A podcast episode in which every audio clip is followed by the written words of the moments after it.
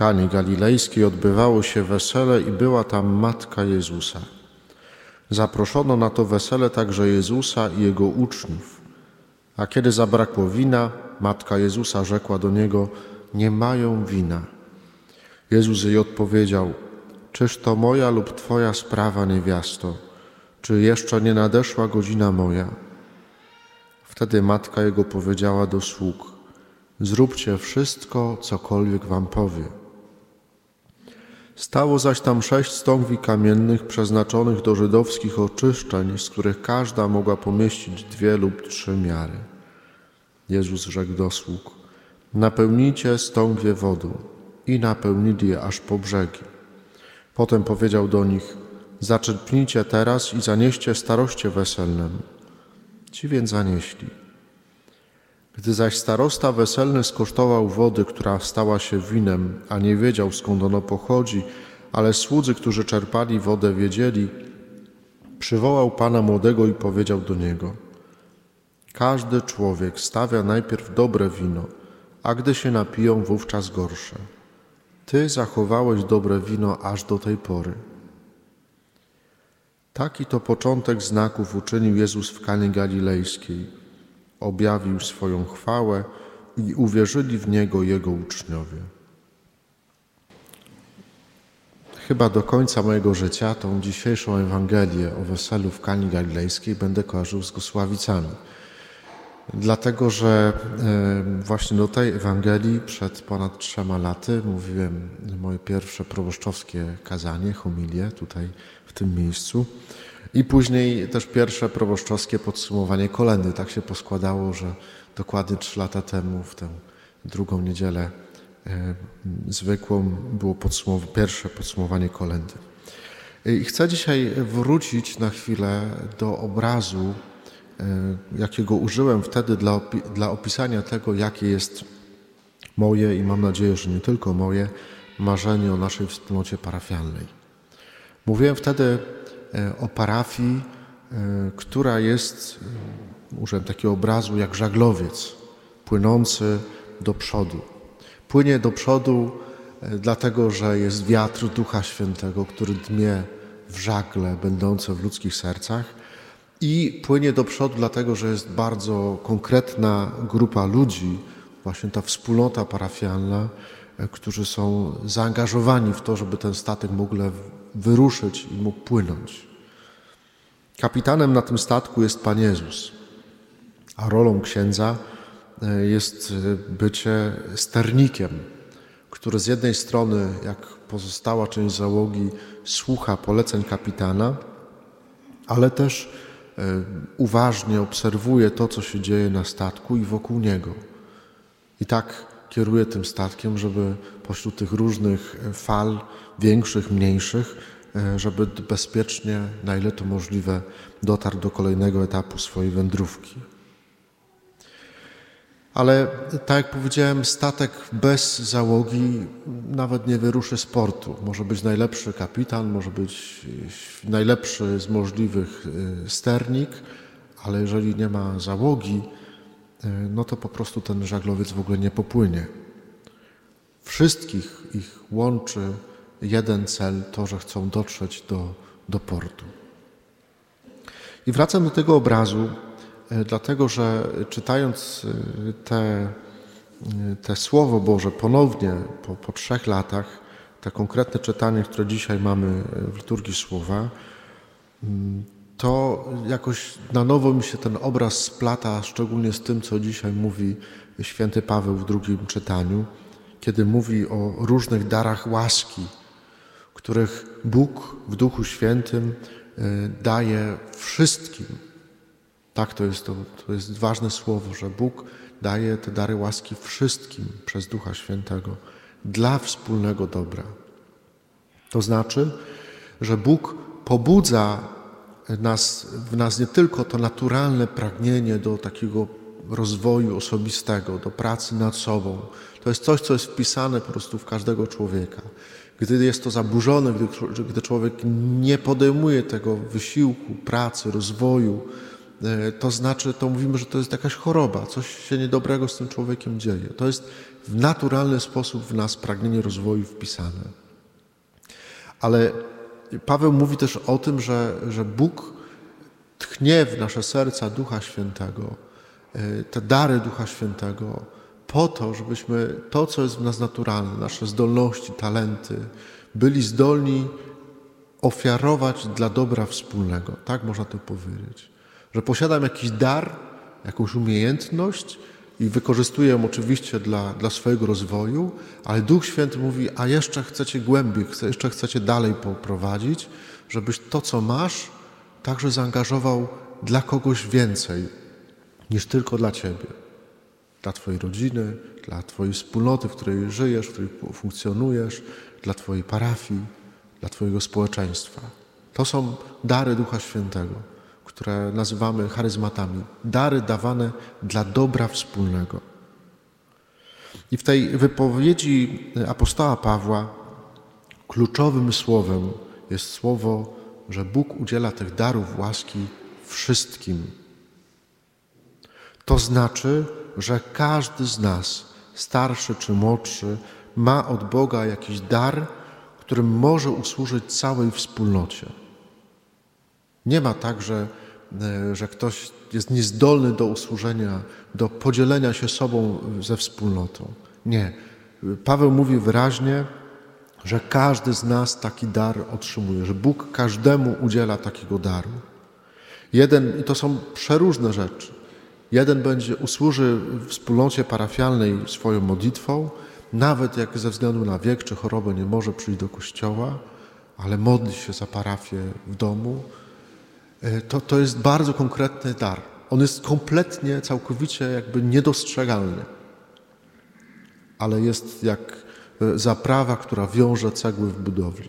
Bez tego po prostu bylibyśmy tylko kółkiem wzajemnej adoracji.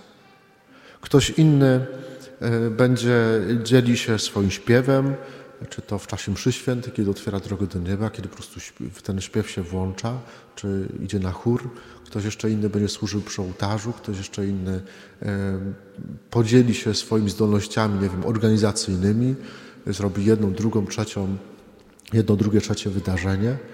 E, to wszystko jakby buduje wspólnotę dla wspólnego dobra. Wielkie rzeczy dzieją się nawet dzięki, dzięki nawet niewielkiemu zaangażowaniu bardzo konkretnych osób. Dlatego, że żaglowiec e, płynie do przodu dzięki zaangażowaniu całej załogi. To jest ciężka robota, to jest ciężka praca. Ale każda z tych osób, które się angażuje, coś z siebie daje, ale jednocześnie naprawdę wiele zyskuje. Y, mówię o tym i wracam w ogóle, rozwijam ten obraz ponownie, nie dlatego, żeby się powtarzać, nie? tylko dlatego, że mam wrażenie, że on na nowo dzisiaj jest nam potrzebny, żebyśmy sobie to uświadomili. Dlaczego?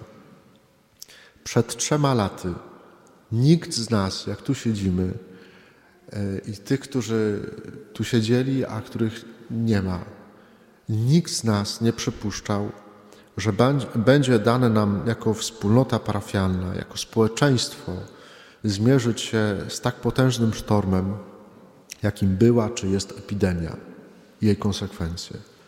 Sztormem, który na naszych oczach wywraca do góry nogami całe życie zawodowe, rodzinne, społeczne, parafialne. To jest po prostu się dzieje. I choćbyśmy bardzo chcieli, to doskonale zdajemy sobie sprawę, że te wielkie e, wiatry, gdzieś wydawałoby się, że kompletnie e, nas nie dotyczące, jednak konsekwencje tego wszystkiego nas dotykają. Gołym okiem też widzimy, że w czasie tego sztormu e, wielu naszych parafian wyleciało za burtę. Po prostu wyleciało za burtę. Nie ma ich. I nie chcę tego oceniać, bo to nie, nie o to chodzi, żeby oceniać, bo każda historia jest inna. I nie tylko epidemia tutaj ma na to wpływ. Natomiast y, nie ma co zamykać oczu na fakty. Bardzo łatwo bowiem, jednym z powodów, tak, tak, tak, myślę, że jednym z powodów jest to, że w takim zamieszaniu, jakie wywołała epidemia y, w naszym życiu, y, bardzo łatwo, jak w czasie burzy, stracić orientację, zgubić z oczu kierunek, do którego zmierzamy. Bardzo łatwo.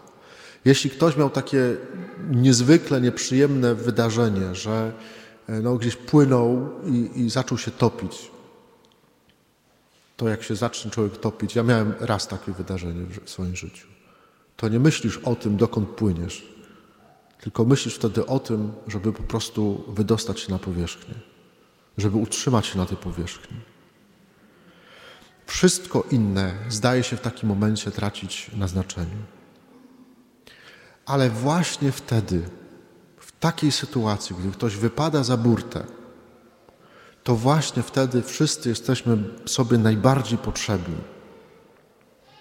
Dlatego, że e, to ci, którzy są na statku, są wezwani do tego, żeby rzucić koło ratunkowe albo skoczyć za tymi, skoczyć, żeby pomóc tym, którzy wypadli za burtę. To jest naturalny odruch. Ten, kto zostaje sam za burtą, po prostu tonie. I to jest dla mnie osobiście myślę też dla naszej wspólnoty, bardzo konkretne wezwanie do tego, żebyśmy byli w tym czasie razem, jeszcze bardziej razem. To jest zaproszenie, wezwanie do wzajemnej pomocy, do zainteresowania sytuacją sąsiadów, znajomych, jeśli trzeba, to do konkretnej pomocy. Do, do takiego po prostu nieciekaw, ciekawskości. To nie o to chodzi. To chodzi po prostu o to, żebyśmy się o siebie zatroszczyli że może być ktoś, kto w tym miesiącu po prostu nie da rady zapłacić za rachunki. Może tak być. Myśmy się przyzwyczaili przez ponad 30 lat, że taka sytuacja raczej nie ma miejsca. Ale ci starsi doskonale pamiętają, że to nie są rzeczy, które y, nam, Polakom, są nieznane. Więc to y, myślę, że, że to jest wezwanie, takie zaproszenie do tego, żebyśmy naprawdę zatroszczyli się o siebie jako wspólnotę. Właśnie tutaj, teraz jest miejsce na wykorzystanie darów ducha dla dobra wspólnego, jak pisze, e, jak wspomina dzisiaj święty Paweł. I myślę, że to też nie przypadek, że e, właśnie dzisiaj, kiedy czytamy to Słowo Boże, to w naszej parafii gościmy relikwię błogosławionego księdza Michaela McGivneya. Jak ustalałem z panem Krzysztofem Siedczyńskim termin tej peregrinacji, w ogóle o tym nie myślałem. Po prostu było, kończy się peregrinacja w Piotrze Pawle i, i mówię, to, to chociaż na dwa dni niech te relikwie będą u nas. Natomiast jak otwarłem to dzisiejsze słowo i czytałem jeszcze też życiorys księdza Michaela McGivneya, żeby troszkę tę postać bardziej poznać, to można powiedzieć, że się bardzo to słowo dzisiejsze splata z, z tym życiorysem, z tym, co ksiądz McGivney robił w Stanach Zjednoczonych. Jednym z głównych powodów, dla których 140 lat temu założył on to świeckie braterstwo, czy jak, jak to się nazywa, zakon, bractwo nazwane rycerzami Kolumba, była pomoc tym, których los wyrzucił za burtę. W tamtym czasie chodziło o pomoc przede wszystkim o pomoc dla wdów, e, które zostały z, z kilkoma dziećmi albo kilkunaściorgiem dzieci, bo głowa rodziny czy umarł na, na gruźlicę, która wtedy po prostu szalała, czy gdzieś zginął w jakimś wypadku. I te kobiety zostawały po prostu bez środków do życia. I ksiądz McGivney mówi tak, zróbmy takie bractwo, coś na formę ubezpieczenia, że każdy z tych braci będzie co miesiąc dawał 15 centów. 15 centów. Jak nas będzie dużo, to będziemy w stanie pomóc finansowo bardzo konkretnie tym rodzinom, które zostały bez męża, bez ojca, e, tym dzieciom, żeby mogły po prostu się wychowywać. Bardzo konkretna pomoc. Rycerze Kolumba zobowiązali się do troski o sieroty i wdowy i zapewnienia im godziwego bytu. To jest to miłosierdzie, które wyraża się w konkretnym działaniu. To jest podstawowy nurt działalności rycerzy Kolumba do dzisiaj. Myślę, że w tym czasie, który przeżywamy, To może być y, naprawdę dla nas bardzo inspirująca postać. Mam nadzieję, że mamy nadzieję, że ten sztorm epidemii powoli przechodzi. Tak jaskółki coś mówią, jak już Bill Gates mówi, że w przyszłym roku to już nie będzie epidemii bez żadnych, bez żadnych teorii spiskowych, absolutnie nie. Natomiast mamy nadzieję, że to się po prostu kończy. Natomiast jesteśmy świadomi, że konsekwencje tego będą nas jeszcze dotykać przez długi czas. Na ten czas kryzysowy, a mówiąc językiem dzisiejszej Ewangelii, czas braku wina, czas ratowania rozbitków, Maryja, jak za każdym razem, kiedy otwieramy tę Ewangelię, Maryja nam daje świetną radę. Zróbcie wszystko, cokolwiek powie Wam Jezus. I to jest zaproszenie do, nie do tego, żeby usiąść i, i czekać, aż nam podadzą do stołu dobre wino, tylko to jest skierowane do sług. I oni muszą przelać do tych, do tych pięciu stągwi kamiennych ponad 500 litrów wody żeby później Pan Bóg mógł zrobić z tego winę. Więc to jest naprawdę dla nas zaproszenie do, do takiego podzielenia się, do usłużenia tymi darami, które Pan Bóg nam dał dla dobra wspólnego. Jedną z tych dróg e, zaangażowania mogą być rycerze Kolumba. To jest propozycja dla naszych panów. Jeżeli będziecie zainteresowani, to zgłoście się do mnie. To jest propozycja, ale tych pól działania, gdzie możemy podzielić się sobą, gdzie możemy usłużyć w małych gestach, robiąc rzeczy wielkie, jest naprawdę wiele. Amen.